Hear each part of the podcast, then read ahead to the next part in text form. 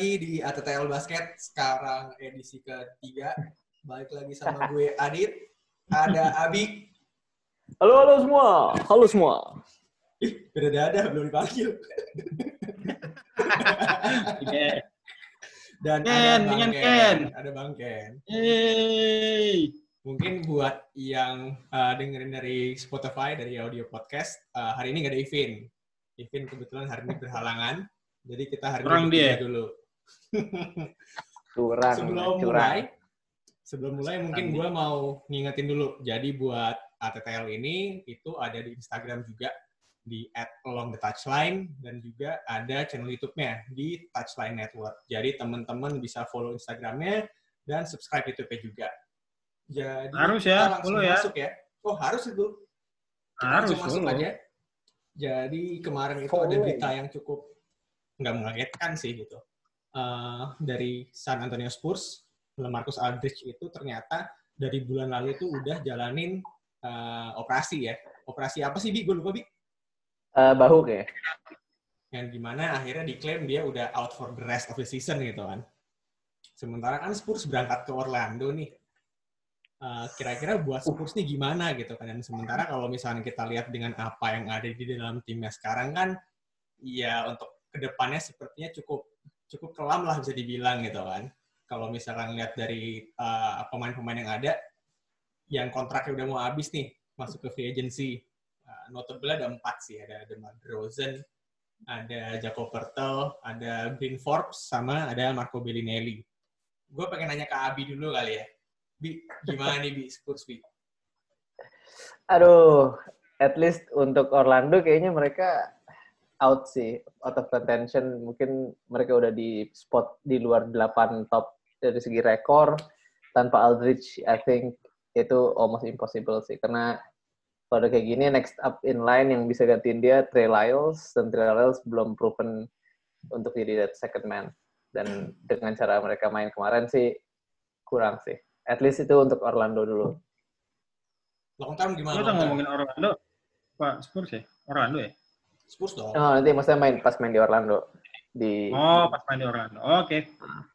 Nah, kalau long term aduh, DeRozan sendiri udah opt out, dia udah kayaknya nggak nggak nggak ada nggak ada chemistry-nya sama front office, udah udah Yes. nggak sejalan lah. Em, dengan 27 juta eh, salary dia yang ke opt out, berarti sekarang Spurs punya cap space around 25 million dan menurut gue sih mereka harus ngincer another wing player yang at least punya three point range lebih gede dari Rozan. Nah, kalau yang gue udah line up sendiri ini, mereka I think for the, for the 25 million mereka bisa ngincer Evan Fournier yang gajinya sekarang 17 juta di Orlando tapi udah mau jadi free agent juga. Plus mereka bisa dapat utility big untuk backup Aldridge eh, sama Trey Lyles karena Poku mungkin restricted free agent itu ada Myers Leonard masih masuk tuh gaji dan cara mainnya. Eh, atau Kelly Olynyk both from the Miami Heat. Jadi kayaknya Miami Heat harus milih tuh salah satu dari mereka berdua dan siapa pun yang nggak diambil menurut gue bisa pas di cara mainnya Spurs yang spread uh, offense dan juga ball movementnya bagus.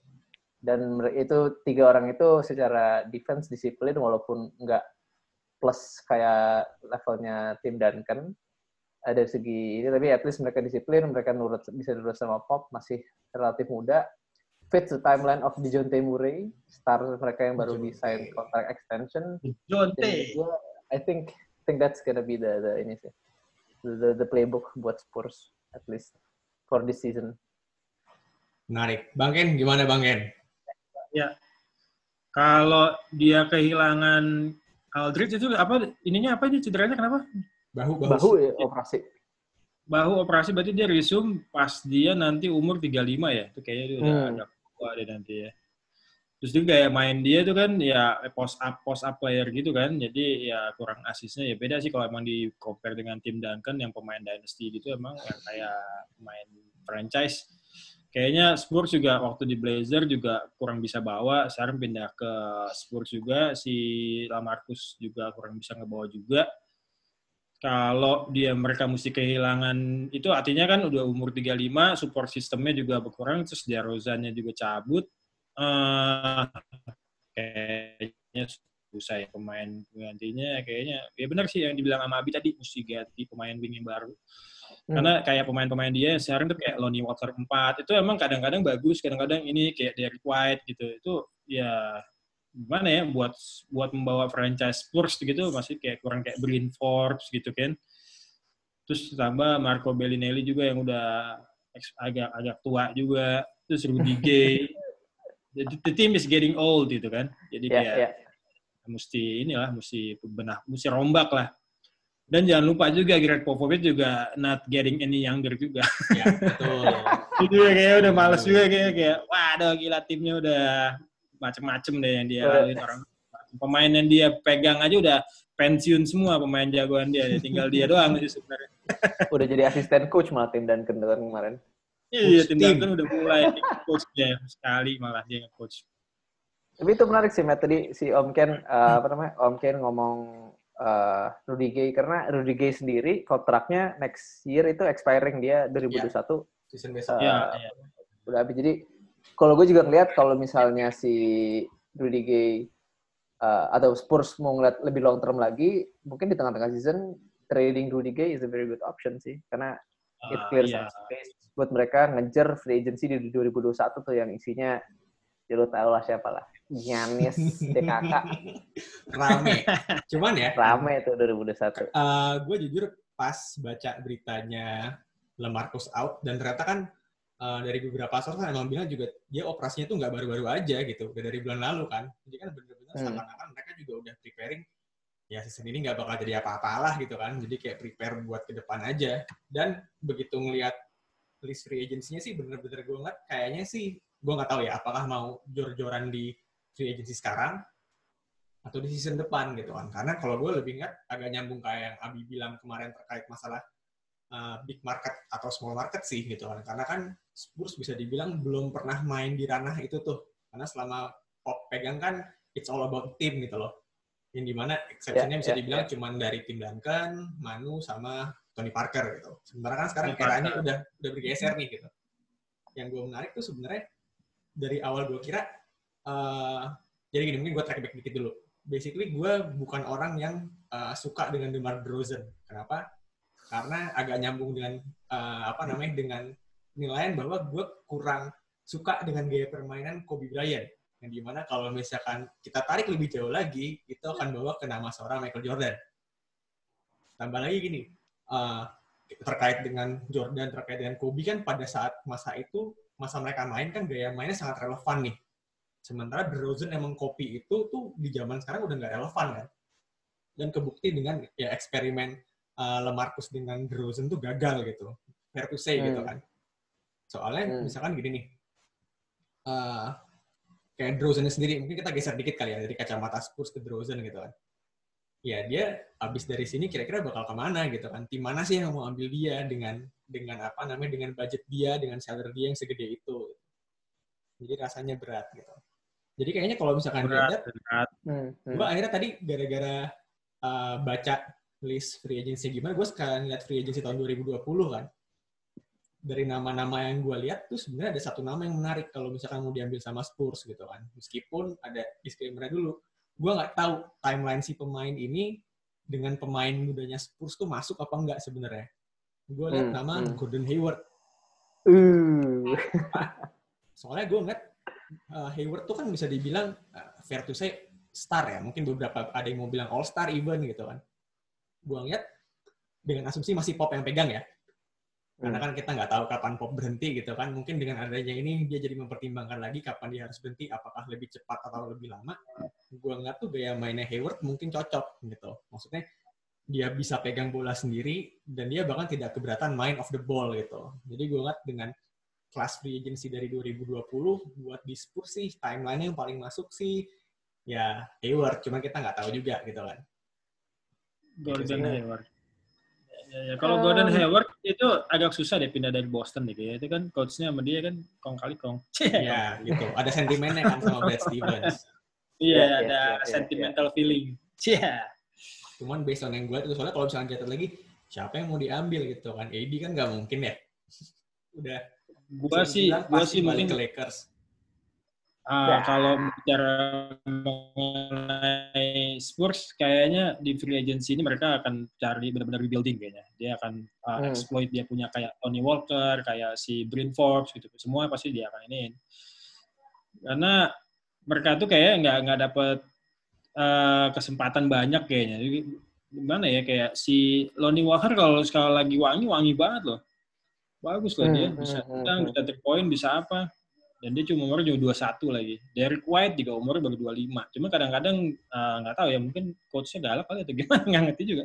Jadi mainnya tuh kayak kayak malu-malu gitu. Kadang-kadang bola tuh pasti ke si Aldridge, kalau nggak Aldridge terus DeRozan. Pasti kan mainnya gitu kan.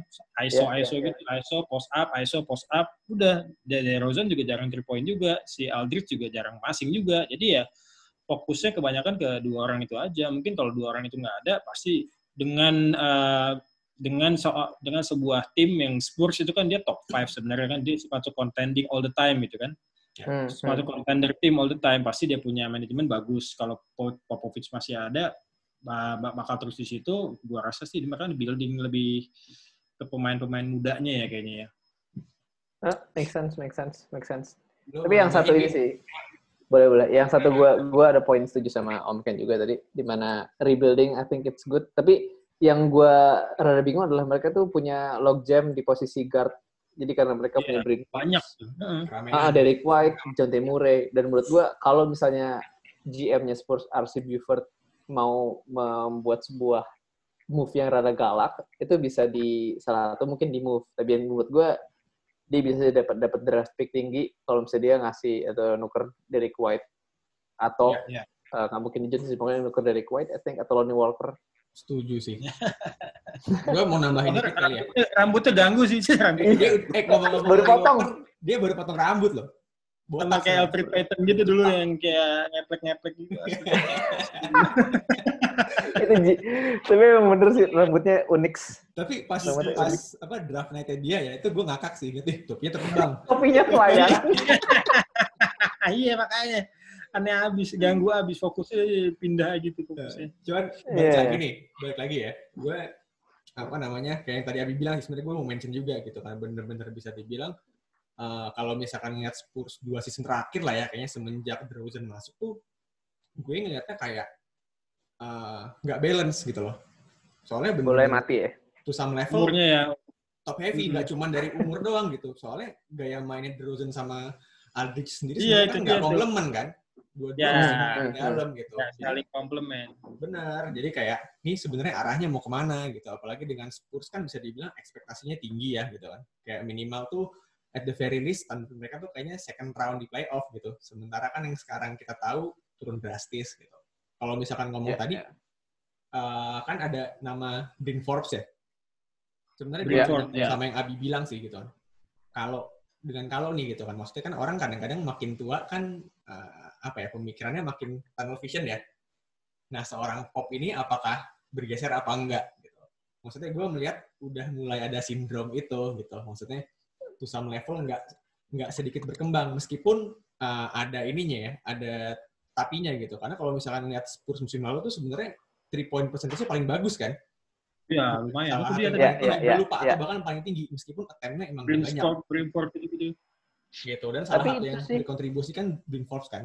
Nah, ada satu hmm. pemain hmm. lagi sebenarnya yang jujur gue kaget sama Spurs nggak ditarik lagi, bisa bertans. Hmm. Hmm. Padahal, uh, itu ada ada ceritanya, Matt. Padahal bertans. Siapa siapa? David Bertans itu uh, di, di trade ke Washington karena waktu itu mereka mau trade clearing ya? Bukan free agency ya? Di, di, kalau di, di trade ya? Di Jadi mereka di trade ke Washington untuk nge-clear cap karena mereka mau ngesain Markif Morris atau Marcus lupa ya. Tapi itu jadi. Terus Marcus di tengah-tengah flip ke New York yeah. Knicks ditawarin duit lebih banyak. Wah itu itu itu. nah, HP. Nyambung ke Bertans tadi, maksudnya gue ngeliat Bertans tuh kayak yang membalancekan tim Spurs itulah gitu kan dengan ada DeRozan sama Marcus nyangkut di dalam, mereka bantu hmm. keluarnya hmm. pasti ke Bertans gitu yang di mana he's a very good shooter gitu. Uh, Latvian laser. ya kan gue dari fantasi tuh. Ya. Kalau misalkan lo tahu, lo tahu nggak sih? Dia kan, gue lupa dia shoot kanan apa kiri ya? Pokoknya dia dari kiri. tunjuk tangan shootnya tuh nggak ada. Nggak ada ya? Kecelakaan, potong atau apa gitu. Hmm. Ya, jadi kayak begitu nggak ada Bertans kan ini sebenarnya timnya mau ngarah ke mana sih gitu kan. Dan kalau nyambung kayak kata Abi tadi, buat ngebalance timnya rasanya gue lihat gitu kan, ya Hmm. pilihannya jatuh kepada ngelepas antara Derrick White sama DeJounte sih gitu kan. Cuman kalau misalnya sih package, kayaknya. ya Derrick White sih Hmm. kayaknya yang leverage lebih tinggi gitu. Itu dia, Bos. Tapi Ya, itu sih bener ya. gue masalah tunnel vision mungkin Pop juga kemarin sempat pas ngelatih yang US di Olympic atau di apa ya yang World Hmm. Cup itu kelihatan sih dia gue nggak tahu kenapa walaupun memang banyak banget pemain star yang opt out tapi dia milih Derek White out of several other options dan mungkin itu ada sedikit romantisisme terkait Derek White kan di musim sebelumnya bagus banget kan tuh sempat ini juga lah jadi gacoan fantasy Lumayan. Sama Be- Beberapa game lah ya. defense-nya bagus. Jadi itu dia maksud gue mungkin I think maybe it's it's time for him to also kind of move on. Dari segi sistem coaching kan sebenarnya dia udah udah udah punya legacy baik banget kayak Ya. misalnya Mike Bull- Holzer dari yang Milwaukee Bucks dulu assistant coach di Spurs lama banget. Terus juga banyak Ya. James Borrego yang di um, Charlotte Hornets itu ex ini dia. Jadi maksud gue I think his legacy is fulfilled. Mungkin it's time for him to hand the reins to mungkin ke first female coach Becky Hammond, asistennya dia, atau ke tim Ricky Hammond tuh jago loh. Buat Parah, Bos. dulu ya. Becky Hammond. Gue ngeliat kayaknya sih ketimbangan ya. Kenapa? Soalnya kan kalau misalkan kayak misalkan pada ngikut beritanya kan katanya pelatih-pelatih yang tanda kutip tua ya. Kan Hmm. nggak dikasih lampu hijau buat berangkat ke Disneyland kan. Buat megang timnya masing-masing gitu. Meskipun nama-nama kayak Alvin Gentry merasa keberatan, Dwayne Casey keberatan ya kan. Nah, otomatis dengan skenario ini kan berarti yang megang Spurs nanti kan pasti Duncan kan. Jadi Hmm, hmm, dengan hmm. dengan adanya berita ini jujur gue malah yang tadinya nggak pengen ngeliat Spurs jadi tertarik buat ngeliat lagi kira-kira bakal diapain sih nih gitu dan gue rasa kayak kata Abi tadi sih seorang Greg Popovich bisa dibilang mungkin nggak tahu dengan pengetahuan NBA gue yang terbatas ya rasanya lawannya tinggal Phil Jackson in terms of modern Phil era basketball ya Jackson. gitu kan buat ngadu Phil Jackson udah jadi presiden ya. Nah, Udah jadi presiden ya. Hmm, Nah, jadi menarik kayak- tuh. rasanya dari si, si Pop juga bisa dibilang gue ngejar apa lagi sih gitu menang udah Iya. ya kan dan rasanya Cuman ada satu Aha. kalau bicara mengenai mengenai Pops itu dia jangan lupa dia kan udah ditinggal sama bininya tuh. Jadi Ya. gua rasa dia bakal Hmm. bakal terus coach sampai dia udah nggak sanggup berdiri lagi kayaknya tuh kayak ya ada pelatihnya si kemungkinan itu juga sih itu tuh itu kayaknya sih bakal udah all his life lah kayak ke situ. Itu sedih Iya, sih kalau iya. diinget-inget ya ini out of topic ya cuman ya sedih sih itu si Popovich pasti tinggal istri duluan. Yeah. meskipun ya gue jadi agak kepik, agak agak maju dikit nih mikirnya gitu kan berarti kan Spurs technically speaking udah mulai nyiapin rebuilding kan Harusnya. kan Pasti, kalau misalkan kalau misalkan kita lihat dari standingsnya meskipun Spurs ikut berangkat ke Disneyland kan mereka technically masih dapat eh, draft lottery pick ya Hmm. di mana kalau Berapa sih dia? misalkan Top 10 ya? gue gue nggak hafal Enggak, enggak, enggak. Ah, Dia mid kalau misalnya ikut sih, dia kalau Mid, misalnya paling ya belasan lah kalau unless mereka super hoki yang bisa dapat ini sih. Iya, rasanya sih high. maksudnya gini, kalau misalkan ngeliat Spurs kan, uh, meskipun gue nggak gitu ngikutin yang sekarang-sekarang ya, mereka kan terkenal Hmm. dengan dengan grafiknya tuh bener-bener, gue nggak terus gue nggak dulu deh dapat grafik berapa, yang penting pemain yang gue ambil emang yang gue butuh gitu loh. Hmm, Ya, hmm. Rasanya Masuk menarik sistem nih dia. dengan asumsi bahwa Pop masih dengan mindset yang sama gitu kan, kira-kira dia bakal ngambil pemain yang kayak gimana dan mau dibikin kayak apa gitu, karena rasanya Spurs udah mulai masuk ke titik kayak kanvas putih lagi gitu loh. Iya, udah mulai dari awal. Hmm, hmm. Tapi gue nggak kaget sih kalau misalnya uh, Spurs di tahun depan, kayak waktu tahun 97 mereka ini, Om Ken, dapat Duncan, mereka nge-tank. Sengaja gitu. Iya. Mungkin that's, that's a possibility juga tuh. Jadi tahun Tapi 97 kalau- kan, coba si David Robinson banyak disimpan buat Nah, dapat itu high draft pick. Transisinya tuh. Mm-mm. Dapatlah Transisi dari David Robinson, satu. eranya David Robinson, top 50 Hall of Fame, masuk defensive player berapa kali kan, The Admiral, masuk ke tim Duncan rookie, wah tuh tandemnya gila. Nah itu. Sayang tim Duncan nggak banyak waktu sama ngabisin sama si Lamarcus, si Aldridge, dia nyata. mungkin. Hmm. Jadi mungkin itu satu opsi Matt Hart, ya benar kayak total rebuild. Bentar, anyway, kan gue penasaran nih ya. Gue cuma pengen lihat dulu sebentar terkait dari uh, salary structure Spurs sih. Soalnya gue pengen tahu nih, penasaran. Sebenarnya mereka target rebuild-nya mau dari kapan sih gitu? Coba gue nyontek dulu ya. Oke, basically sih buat season depan tuh sebenarnya kan DeRozan punya player option. Cuman kalau dari berita Udah, yang udah, udah banyak, pasti opt out itu. banyak tersebar kan dia pasti opt out nih gitu. Hmm. Unless tiba-tiba berubah pikiran, kapan lagi gue dapat kontrak segede ini? Karena kalau misalkan dia sadar diri, Iya, dia ya pasti Dia pindah kontrak sih, dia abis ini nggak bakal segede itu kan. Ya, Terus, Harusnya enggak. next season tuh yang notable abis ya Lamarcus sama Rudy Gay sama Patrick Hmm. Mills, Eddie Mills. Gitu. Uh. Jadi kalau ngeliat timeline-nya ya, gue nggak kaget sih kalau misalkan tiba-tiba di off season nanti tiga nama itu atau dua dari tiga sama tiba-tiba disulap nih either jadi draft pick atau jadi pemain yang lebih muda gitu. Pasti. Menurut gua sih possible apa yang gua bilang. Trading Rudy Gay in the middle of the season. Dan mungkin ya Aldridge dengan alasan, aduh abis kita lihat dari dari, dari Kawhi juga gitu. Kawhi cedera di musim sebelumnya, terus disimpan. Ya maksudnya Spurs suka main kayak gitu, suka main rada-rada nggak nggak nggak- nggak terlalu transparan dengan dengan jurnal dengan media kan. Ya, Mungkin dengan. Aldridge habis de- dengan Aldridge habis operasi, aduh Aldridge gak bisa main. That's that's tanking who right. I mean, you trade away Rudy Gay, Iya, iya. and then experiment with your young guys, and then you, get a high draft pick. why not Jadi. kan? Haha. Nah, jadi. Iya. Cuma gue jadi Iya, kepikiran sih, kayaknya bener-bener bakal ini deh. Kayaknya kalau misalnya kontrak uh, Lamarcus sendiri kan buat di trade susah ya. Dengan pemain Hmm. setua itu gitu kan, dengan kapabilitas yang bisa dibilang ya gaya permainnya to some extent out of date ya. Meskipun uh, untuk ukuran gini, kan kita udah lama nih ngejalanin NBA lima musim kali ya. Lima musim Hmm. terakhir kan udah mulai uh, small ball kan, didominasi sama Yeah. guard gitu. Yeah. kan. Sementara Lamarcus nih gaya mainnya bertahan gitu.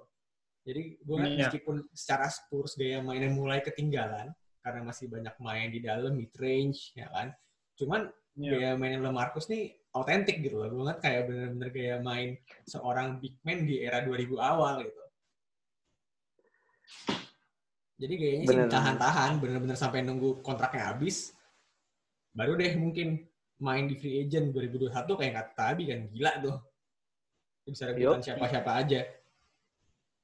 Iya, iya, iya, iya. Dia Hmm. si Lamarcus Aldridge itu eh, sampai 2023 ya kayaknya ya. Guarantee. 2021, Om Ken. 2000 oh, Musim 2021 depan ya? habis. Hmm, musim depan Oh iya. kelar deh. Oh iya iya iya iya sih. Kayaknya sih dia juga bakal ini juga pasti. Bakal di situ kayaknya. Dia Mungkin. udah umur 35, 35 udah di trade juga orang susah dengan gaji segitu sih kayaknya. Udah pasti udah Yo. gitu cedera lagi. Nah, Wah, itu mungkin. Nah, yang unik adalah mungkin kalau misalnya Spurs nekat juga, Lamarcus juga mungkin di tengah-tengah bisa di-trade ke tim yang emang pengen ngebuka cap space gitu. Bisa jadi. Nah, buat salary Kayak- dump ya. Mungkin juga sih. Uh-uh. Kayak kayak Kevin Love waktu Cavs, eh sorry bukan itu, mungkin that's that's a bad example sih. Siapa ya salary salary dump akhir-akhir ini? Salary dump. Kayak Chandler. Lo nggak lihat background gue siapa? Ngomong salary Ah, dump. Ini contoh konkret loh. Eh, kebalik salah. Ini contoh konkret. Yang niat dump, cuman tidak. Si Fitri adalah kelas. Tapi itu masih Mas. masih masih inilah tukeran sama Westbrook masih apa ya? Masih masih inilah masih tapi salary dump yang murni itu mungkin kayak siapa ya? Ya kayak inilah ya kayak siapa pun siapa pun itulah. Tapi maksud gue gitu sih possibility high possibility untuk Jadi- gitu Setuju ya. Spurs rebuild ya. Rebuild pasti rebuild and the team is getting any old harus dia ganti pemain-pemain yang lebih muda lah pasti lebih ini ya kayak Patty Ya. Mills kayak Rudy Gay itu ah, semuanya udah hmm jangan deh Iya, deh. udah saatnya sih. Karena akhirnya Iya. sambil gue lihat-lihat juga kan. Ini apa namanya? eh, kalau ngeliat demografisnya nanggung. Banyak mudanya sama banyak tuanya yang di umur-umur prime malah nggak ada Iya. gitu. itu dia bos Ya, ya, ya. Jadi ya kita lihat aja sepak terjangnya Spurs nanti di Orlando gimana. Apakah Pop satu hal sih? Matt Ah, gimana gimana? yang yang gue selalu suka sama Spurs tuh adalah mereka selalu nggunain pemainnya buat ini di iklan jadi mereka tuh di San Antonio itu ada satu toko namanya HEB Mhm. Here Everything's Ah. Better Ya. itu kalau lu lihat iklan-iklannya selalu pakai pemain Spurs dari zaman Duncan dari zaman Patty Mills Ginobili gitu-gitu jadi yang yang yang yang yang selalu yang gue tunggu-tunggu adalah dia kan mungkin nanti uh, Lonnie Walker atau siapa iklan baru HEB ini lucu apa sih gitu. Tapi Lonnie Walker rambutnya udah dipotong, udah nggak seru. Iya kalau lo masih ada gini-gini yang lucu Sama kayak Alfred Payton juga rambutnya gitu juga ganggu. Jadi potong juga. Ya, balik lagi. Masuk segmen 2. Tadi kita habis break sebentar, habis ngebahas Tadi Abi ngelempar sesuatu yang menarik nih gitu. Kan kita banyak berandai-andai nih. Abi ngajakin, lu kalau misalkan jadi GM dari sebuah franchise NBA, lu misalkan mau ngedraft pemain nih yang jadi pertimbangan apa sih gitu? Coba Bi, tolong dijelaskan lebih komprehen Bi, biar kita jawab lebih. Jadi kom- komprehensif. Nah, jadi kalau misalnya let's say lo jadi GM-nya kita di Spurs, lo tahun 2000 tahun depan lo tahu tim lo gimana, lo dapat posisi middle middle draft gini, eh middle di middle first round, middle second round, apa sih yang akan lo jadi kriteria gitu? Apakah lo akan ngeliat tim lo butuhnya apa atau lo benar ngeliat kayak wah pemain ini fisiknya gila banget nih, gue jatuh cinta banget sama dia bisa lompat vertikalnya 50 inch ngedang bisa windmill dua kali dan kawan-kawan atau bahkan misalnya kayak wah nih anak Instagram followernya udah 2 juta bagus nih buat market gua gitu jadi kayak apa sih yang lu pertimbangkan sebagai NBA G- NBA GM di modern times Bang Ken, silakan. Biar gue mikir dulu maksudnya. Langsung lemparin ke gue deh. Waduh. Ya, ya, ya, ya, gue lagi nyatet-nyatet. Eh kalau misalnya kalau tiba-tiba nih besok ya gue jadi jadi GM gitu ya. Eh ya mungkin ya pasti pertama kali tuh best available. Hmm. No matter gue tim gue tuh udah ada yang bolong, ada dari lima pemain itu kurang mungkin apa. Ini ya yang pasti best available dulu satu. Yang kedua, eh cari pemain kalau kalau best available udah nggak ada karena kita kayak Spurs tadi contoh itu mid first round atau mid second round kan di mid berarti kan yang bagus-bagus ya mudah-mudahan udah habis semua gitu ya itu pasti cari pemain yang kita bisa build yang punya karakter itu yang bisa uh, di build sama all around player Hmm. jadi kalau timnya kayak Spurs itu kan assuming kan dia tuh uh, sudah ada si power forward tuh udah ada, udah ada si pemain wingnya udah ada. Kalau mereka cabut, pertama kali ganti mereka ganti pemain yang best available untuk posisi mereka. Kalau nggak ada, ya pemain satu yang bisa di build dari all around. Jadi misalnya bisa bisa masuk karena kan basket itu kan tim tim tim player kan tim game kan. Hmm, hmm, hmm. Jadi kalau tim game itu nggak bisa sekarang apalagi sistemnya udah semua rata-rata uh, pemain guard, banyak kan tuh guard didominasi sama guard. Center pun nyari center yang bisa nge-shoot. Artinya kan emang emang udah arahnya ke sana. Ah, Nyari point guard tuh point guard yang bisa rebound, point guard yang bisa uh, assist juga, point guard yang bisa main middle juga, cari center tuh yang bisa nge-shoot three point kan gitu-gitu kan. Jadi ya itu dia sih kalau kalau menurut gue yang tiba-tiba besok akan jadi GM sih. Terus yang kalau kayak mengenai ini apa sih sosial media kayaknya nggak nggak terlalu ini ya kayaknya itu cuman ini aja kayaknya Eh, tambahan tambahan referral, terlalu- referral.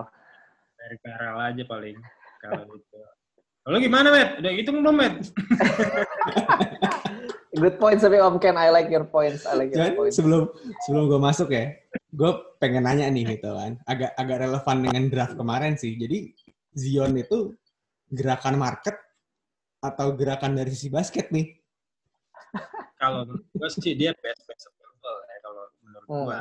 Ditambah eh, karena di angkatan dia ini ya yang all around kayak misalnya satu tim tuh lebih prefer yang bisa all around. Tadi gue bilang kalau misalnya kita ke Jamoran kan dia eh, top 5 tapi dia eh, maksimum ya hanya bisa sekitaran shooting guard, point guard itu doang. Ditaruh di shooting forward di, di small forward dimasukin power forward nggak bisa tapi Hmm. kalau Zion kan selain dia best available dia juga all around juga. Dia bisa ngedrive dia lagi belajar three point juga. Dia bisa ngedang dia bisa rebound. Ya gitu sih. Jadi lebih lebih lebih enak number one draft player itu all around makanya banyak tuh yang top 5 itu posisinya 2, 3, 4 jarang banget Hmm. yang langsung center jarang banget yang langsung point guard doang yang jadi draft number one ya. Zaman Karena itu dia- ya. bisa di build all around jadinya All around ya?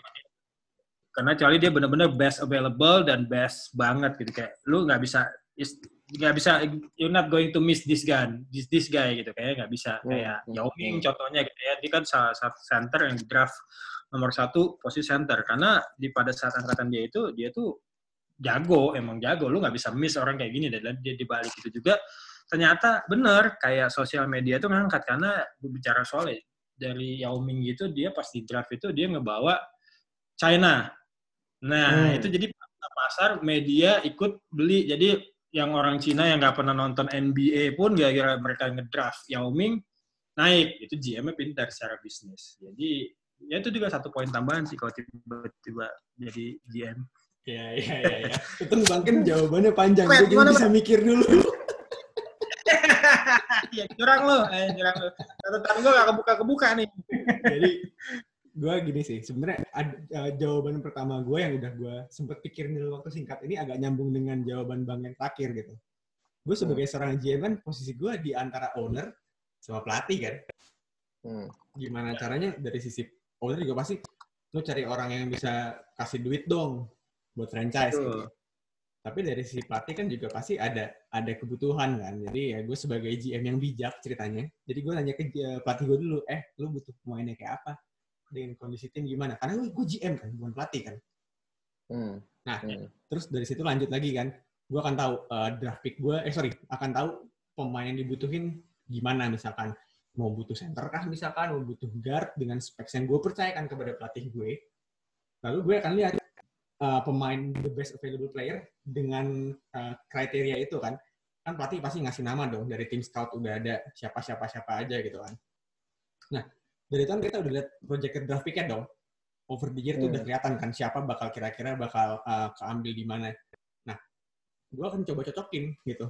Pemain yang mau diambil let's say target nomor satunya dengan draft pick yang kita punya sekarang tuh match apa enggak gitu. Contoh gini misalkan uh, pemain yang gue butuh ternyata di project draft pick-nya misalkan let's say round 4 sampai 8 misalkan. Sementara pick yang gue punya cuma pick 13. Kalau misalkan based on projected draft pick-nya gue nggak bakal dapet dong. Bener nggak? Ya. Gue sebagai GM yang punya tanggung jawab terhadap pelatih, gue mesti bantu dong gimana caranya itu bisa naik ke posisi itu kan. Sebisa mungkin kalau misalkan emang punya asetnya ya udah cobalah trade disulap dikit tuh gimana caranya dari 13 bisa naik ke urutan grafik yang punya uh, kesempatan buat ngambil pemain itu yang lebih tinggi. Gitu Oke. sih. karena baik lagi uh, basketball game gitu kan tanggung jawab gue emang ke owner sih tapi tetap aja it's all about the team dari sisi basketnya. Gue gitu sih. Suka nih gue jawabannya nih. coba kan lu yang lempar nih lu gimana? eh iya Sebelum- bang sebelum- silakan. sebelum- silakan. Om sorry sorry sorry sorry sorry nggak apa-apa. Kalau misalnya kayak eh, GM, artinya otomatis kan dia mesti nerima semua input yang ada, terga- Hmm. termasuk scout. Jangan lupa scout. It's, Jadi ya tugasnya scout itu kalau dia punya projected draft mungkin mid round, tapi ternyata mid round-nya dia mau target itu nggak ada, ya pasti ada. Will come up with banyak name gitu, name listnya pasti banyak. Nah itu dia scout itu penting berarti ternyata ya buat ngambil keputusan secara GM. Jadi sebenarnya GM tuh enak lagi kerjaannya. Udah banyak anak buahnya. Dan dan juga ada financial planner-nya juga. Kayak gue punya cukup nggak? Kayak cash capit punya cukup nggak buat ini Hmm. buat gaji expiring-nya? Berapa banyak? Atau punya punya nggak budgetnya buat ngambil main? Jadi jadi GM sih lumayan sih. Tapi ada nggak yang menawarin di GM nggak ada ya? Lo gimana bi gimana bi gue gue gue suka jawaban kalian berdua nih. Karena apa ya? Komplementer lah. lu. Eh, Om Ken Om Ken benar-benar dari segi ini, tapi apa dari segi benar-benar kayak ada ada ada thought prosesnya gitu, asik banget. Kalau lu lu people, people pleaser juga, Met. Semua mau disenengin. harus dicoba dong harus dicoba dong Ya, Tapi gue ini sih, gue um, interesting sih karena menurut gue apa ya, apalagi zaman sekarang yang sekarang apa yang maksud gue data tuh benar-benar available bahkan ya. informasi semua gampang lah yang tadi Om Ken bilang kalau scouting tim lu kuat, lu bisa dapet semuanya. Dan menurut gue gue setuju sama thought process Om Ken. Dengan pertimbangan lu yang masalah gue punya asetnya seperti apa itu gue juga suka sih Matt. Gue gue actually kalau gue boleh curang gue akan menggabungkan approach lu berdua. Ah itu diplomatis. Ya tadi. Be, be, be, karena best lo udah jadi kayak GM dong. Lo udah GM kan ya gue jadi GM nih sekarang. Tapi maksud gue Iya. best player available tuh bagus banget menurut gue Eh, karena apa ya kadang-kadang ya kalau lo dapet ya high draft pick generational talent ya it's it's it's a near, uh, gimana ya lu nggak bisa ini lah lu nggak bisa mengelak juga dari takdir. Cuman kalau misalnya lu di mid round mungkin approach Om Ken itu yang tadi atau approach lu Matt yang benar ngeliat should I move up atau should I just trade down kalau gue timnya kuat gue gue suka sih. Cuman ada satu sih yang gue ini juga adalah yang kadang-kadang mungkin di overlook adalah ini cedera sih bro. Yang Ah. history injury history itu kadang-kadang kan bagi tim kan red flag banget kan Yes, itu jadian di ini kan, Greg Oden kan. Iya Greg Oden, Brandon Roy kan juga akhirnya baru ketahuan entah kapan tuh ter Portland suwe juga tuh. Kalau misalkan Iya, mau gini lebih lah. jauh lagi, Sam Bowie. Aduh, itu wah eh, Michael Michael Jordan tuh ya. Ada tuh nama Kwame Brown. Wame. Kalau kalau itu cedera, cedera mental bang. sorry sorry bi, Kan kepotong bi. Kasihan kan? Enggak bang. apa. boleh kan? Ya, Bi, balik, Bi. Bener-bener best player NBA. Kwame itu waktu itu gak tahu deh. Kayaknya emang lagi ini kali lagi lagi lagi lagi seret aja tuh talent di di, di NBA. Tapi maksud gue itu sih dan apa ya? Dan gue ada satu cerita menarik nih karena ternyata dulu Phoenix Suns mereka kan punya kesempatan buat ngedraft Kawhi Leonard Ya, two time Finals MVP the Claw. Tahu nggak kenapa nggak jadi? Kenapa? Sebatas karena Kawhi karena dia orangnya cukup pemalu dan inilah ya mungkin nervous lah di interview sama GM-GM yang ber- udah puluhan tahun atau yang bentuknya keren dan pertanyaan kadang-kadang bikin bikin grogi gitu. Kawhi keringetan sampai jasnya basah, bro. dan GM-nya Suns pada saat itu gue lupa siapa, tapi dia langsung kayak, wah enggak deh nih orang. Masa di interview sama gue aja grogi, gue udah main depan puluhan juta fans NBA. Bayangkan bagaimana Iya. Suns secara franchise bisa mengubah nasibnya kalau mereka ngedraft Kawhi. Ya terlepas dari apa yang apa yang Spurs lakukan ke Kawhi. Tapi maksud gue hanya karena keringetan. Jadi kayak itu bener-bener kayak mungkin at that point ketika lu jadi GM kadang-kadang you have to go with your guts atau dengan feeling lu gitu dengan perasaan lo aja karena kayak oh gue nggak nggak nggak nggak ngecun nih sama si tukang keringet gitu. Ada Di, tangan, di tangannya gede lah, ya, keringetannya gede banget. Kok. Iya. Wah ini orang aneh nih. Jadi, jadi, jadi. tapi rasanya itu kalau gue rasa sebenarnya ada satu yang nggak dikasih tahu tuh sama JM Suns. Kayaknya dia ngedenger kawai ketawa sih. Jadi aduh enggak deh, enggak jadi deh. Tapi kan kawai sekarang labelnya udah funny guy. Jadi all good. Funny. Pakai, pakai, pakai. Pandai. Cuman ya kalau misalkan ngomongin draft nih, eh, apa namanya dari semua draft yang ada tuh gue nggak bisa lupa dari tahun, aduh gue lupa. Steph Curry itu tahun berapa? 2009 kan? Bersama Harden, 2009 gue nggak salah. ya kan? Eh, ya, ya, pick 7. Seorang se- seorang Steph Curry itu eh, diambil sama Golden State. Sementara dua pick sebelumnya kan yang megang Wolves ya. Hmm.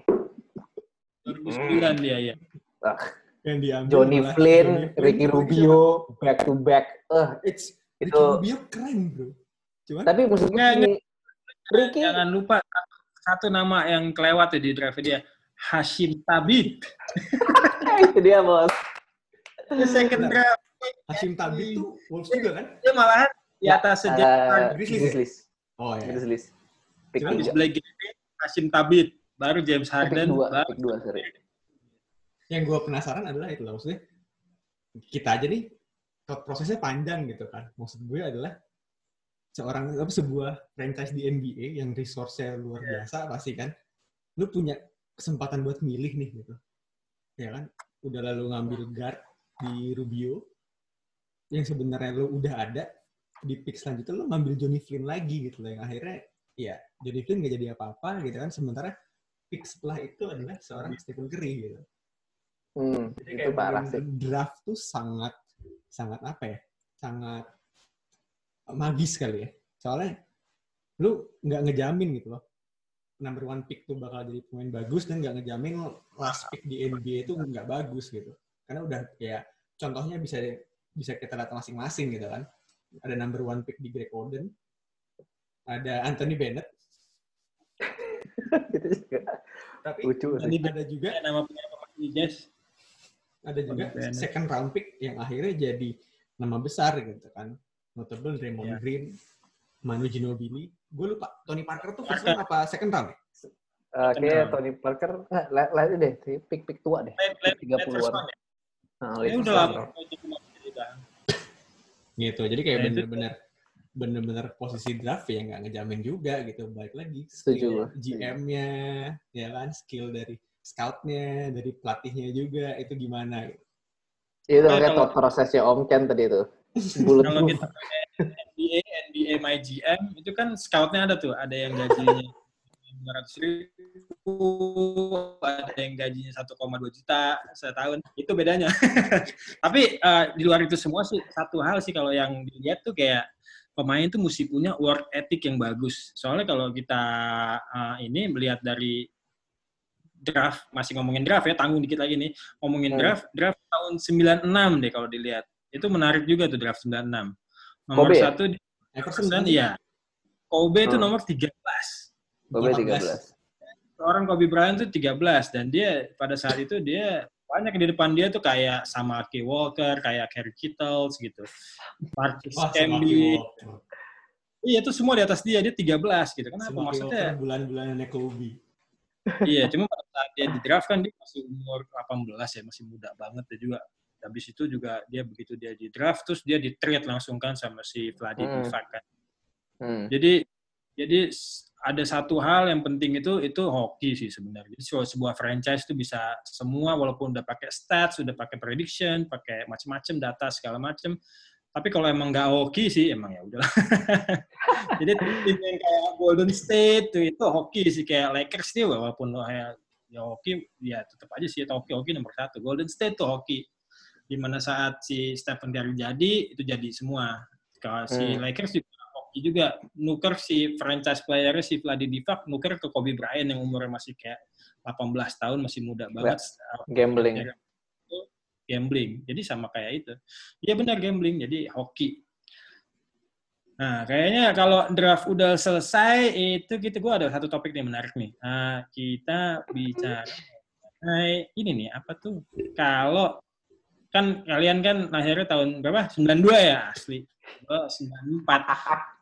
Ada sih pemain, list pemain yang lahir di tahun 92 sama di compare sama gue 84 gitu kan. Jadi kayak, yang notabene udah banyak yang pensiun juga.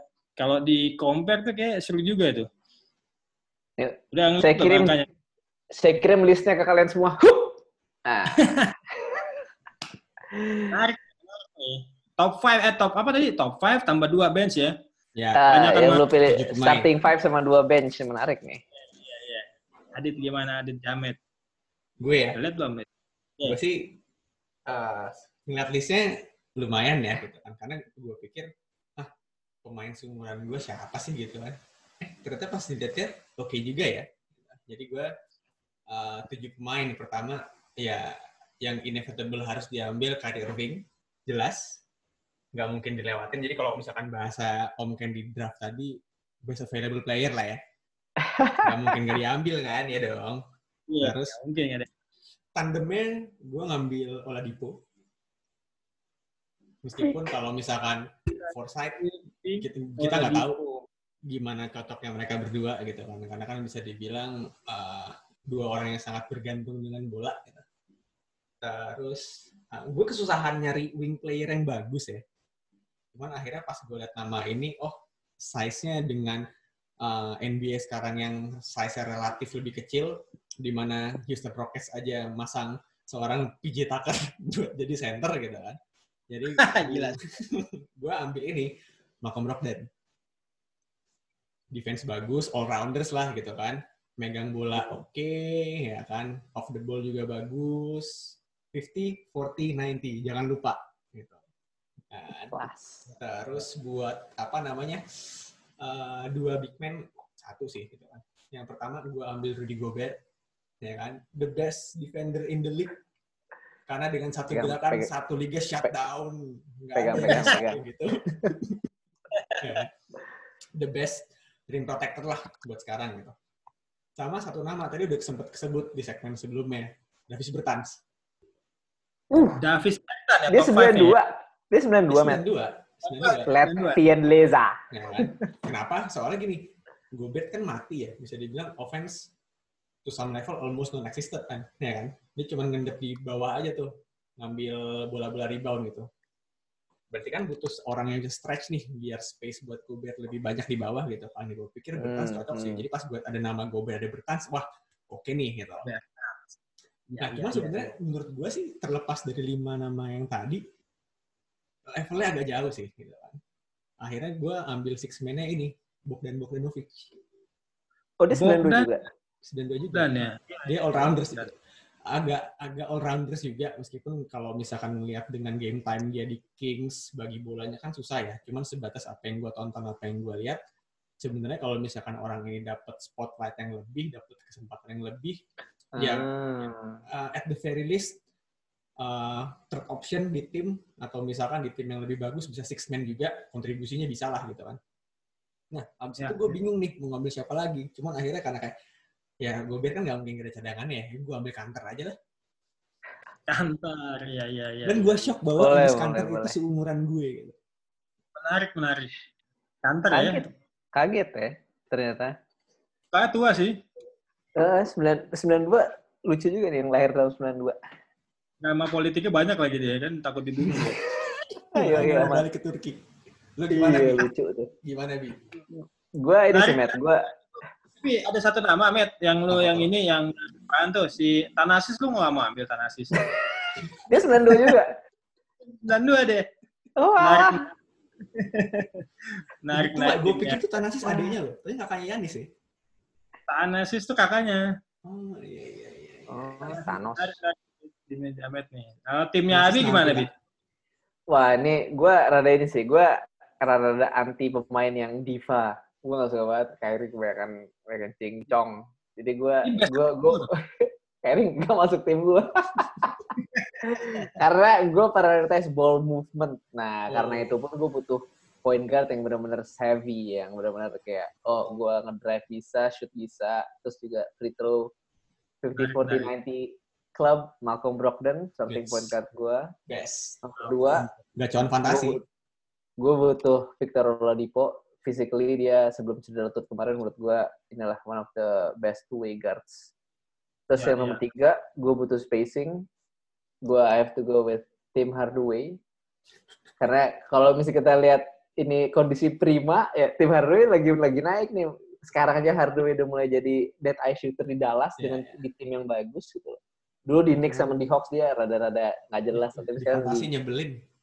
Nah, tapi sekarang di Dallas sudah kalau kalau dia bisa proof bahwa kalau core timnya bagus dia jadi pemain keempat ke pemain kelima dia bisa shooter Iya. defense oke Ya, role oke lah di Dallas dia.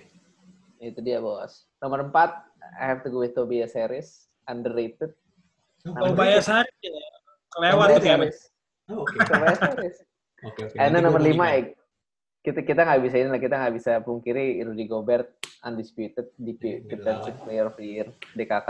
Cuman yang juga kaget juga ternyata gue pas milih cadangan big man yang Gobert, Jonas juga umur 92 pak. Iya, dua. bawa bapak. Jonas Valanciunas ini lucu juga nih. Dia Terus Pantes udah 92. lama kan? Udah lama dia di Hmm. NBA, jadi kayak at least 30 nggak sih gitu? Saya 27. itu dia udah 8 tahun dan yang terakhir gue ambil gue rada-rada ini sih pemain-pemain yang inilah yang non non konvensional tapi bisa bisa fit di tim Evan Fournier lagi-lagi kalau tadi udah pernah dibahas waktu ngomongin Evan. Spurs Evan Fournier menurut gue pasti buat jadi inilah but no Kyrie no flat earth no, no flat lu earth. baru 6, Bik. Satu lagi siapa? udah tadi eh, Evan Fournier Udah ada tujuh dia tadi. Evan Fournier, Malcolm? Brogdon, Oladipo, Tim Ah. Hardaway, Tobias Harris, Rudy Gobert, Jonas Valanciunas, Evan Oh, iya, Fournier. Jonas. Ya, ya. Oke, oke, oke. Ada satu nama menarik yang gua ini kalau diangkat itu. Lu nggak ada yang pilih kayak Buddy Hill gitu kalau buat expand, buat parameter, buat apa, three point dia lebih jago daripada si Tim Hardaway nggak sih? Nggak tahu sih. Kalau nah gua, cara saya- Tim Hardaway next. sama Buddy Hill, gue sih lebih ke Buddy Hill ya, karena dia lebih ke pure shooter gitu loh, buat spread the floor kayak nggak tahu sih. Cuma Nah, kan kalau cuma dikasih tujuh sih. kan, tim kan 13 kan, kalau tujuh ya pasti banyak. kalau kalau kalau delapan Badi masuk lah Badi tapi gue ini sih tim Hardaway gue entah kenapa gara-gara sempat ngambil dia juga di fantasy kemarin sempat merhatiin Dia ternyata di, bias. di, di- di Dallas tuh defensive ratingnya salah satu yang paling tinggi di starting five. Jadi kenapa dia bisa stick on the starting five di mana si Rick Carlisle di awal musim tuh sering gonta-ganti, tapi waktu Hmm. dia temuin ininya lah, kepake di defense, menurut gue ya oke lah, gue butuh wing stopper. Kalau- Iya. kalau ngomongin tim Hardaway itu kayaknya buat season ini eh, gue agak ngikutin Mavericks ya gitu kan karena kebetulan gue salah satu orang yang sangat menyukai seorang Mark Cuban menurut gue Mark arguably the Cuban. best owner Carteng, Carteng. ya kan Carteng, Shark ya? Apa?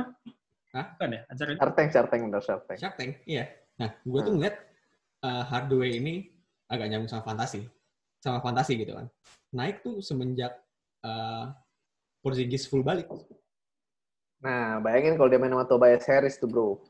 Ah, Mantap, ah, kan? nyambung nih, gue pengen niban itu. Soalnya, kan kalau kata lo kan, Tobias Harris tuh underrated ya. Hmm. Menurut gue justru overrated, man. Maksud gue gini, Waduh, soalnya oke. eh, apa ya, Menarik nih. nggak bisa defense. Waduh. Satu tuh, ya kan? Dan Oke. untuk apa nih, untuk ukuran seorang offensive player, gue akan bilang limited. Gaya mainnya kan, iya, nggak tahu. Menurut gue, three point ini biasa aja. Banyak main di mid range, ya kan? Yang di mana Hmm. At best gitu ya. At best banget gitu. Kalau misalkan let's say dia fulfill his full potential. Second Hmm. option gitu. Itu udah at best banget gitu. Nah, makanya tadi gue taruh caveat di awal, Matt. Tim gue ball movement. Jadi gue butuh siapa pun yang bisa di mana pun, all levels, mau di paint, mid range, three, you have to be able to to, to shoot at any given moment. Ya. Spurs lah dulu. Mungkin. Boris, Diaw dulu dengan pantatnya Wah. boha gitu. Boris dia. R- Itu role-role yang gue pengen Tobias Harris bisa gitu. Kunci. Tapi Matt, gue Kunci. waktu gue sorry sorry, waktu gue flick ke tim 84 nih, Udahan aja yuk. sekarang gua sekarang gua tahu kenapa pengen ngelempar topik itu. Gua tahu. Lu lihat ya angkatan gue nih. Cie. Eh, lu nggak mau nanya angkatan 84 siapa aja? Cie. Gimana udah, gimana gimana? udah ini, udah ini, udah ini. Gimana Eh, gimana? udah. Gua 84, LeBron nggak usah kali ya. Santai. Best available satu LeBron James lah dia all round bisa Udah, udah. macam-macam lah. Bubar bubar. usah dan apa ya LeBron James, Carmelo Anthony, terus buat pemain wing gua akan ambil itu em, siapa ya si JJ Redick. Hmm. JJ Redick itu banget mainnya masuk sama LeBron, terus Chris Bosh pasti Chris. Bosh lah. Abis itu Chris Bosh, abis itu siapa lagi ya? Sebenarnya ternyata itu doang sih. Brandon Roy ya, Brandon Roy. Aduh, Buat small forwardnya sih ya. Jadi eh small dia berarti kurang point guard berarti gue ya. Oh enggak, LeBron, eh, point guard. LeBron Ya, point guard. megang bola kan. Jahat, Jadi jahat gitu. tuh. Dua, terus tiganya si eh, apa Carmelo 4, tiganya si siapa tadi itu di? Brandon Roy. Brandon Roy, 3, 4 Carmelo, 5 Bogut. Jadi main small ball, bisa 3 point semua itu. Eh, terus cadangannya siapa ya? Gue nama makin ke bawah tuh nama-namanya nggak ini. Si Bogut kayaknya, mesti gue mesti ke Bogut. Karena dia main sama si JJ Redick tuh menarik tuh. Terus cadangannya gue perlu pure point guard, Deron Williams. Udah tujuh kan? Banyak ya. Iya. Pengen boleh ada kalau diulang. 8 tuh Siapa aja? Robinson sebenarnya. Net Siapa aja, Bang? Robinson tuh.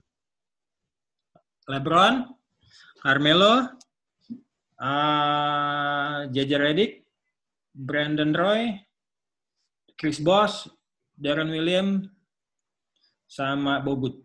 Jadi center ada cadangannya, si wingnya ada dua. Ah, gua, gua, gua, gua ini sih. Gua udah Sum it up kayaknya.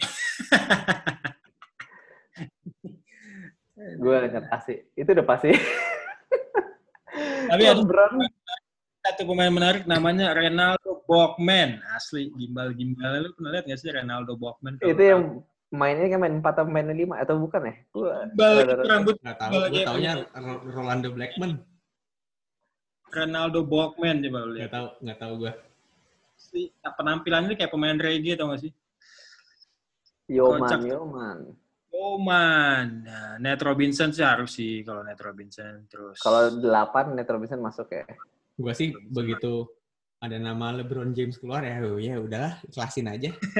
Nah, Matt, tapi yang menarik nih, Matt. Kita tembak si Om Ken. Gimana gimana? Om Ken, lu tim gua sama timnya Jamet, pilih yang mana yang menang. Ah, itu oke tuh. Gimana gimana? Itu gue catat tadi ya.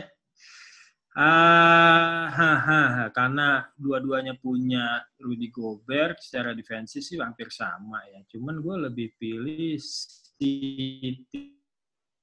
tim Abi sih kayaknya ya.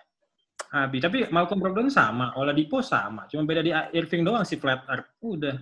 Sama kalau Rudy Gobert bench, si Jonas ganti, lawannya Enes.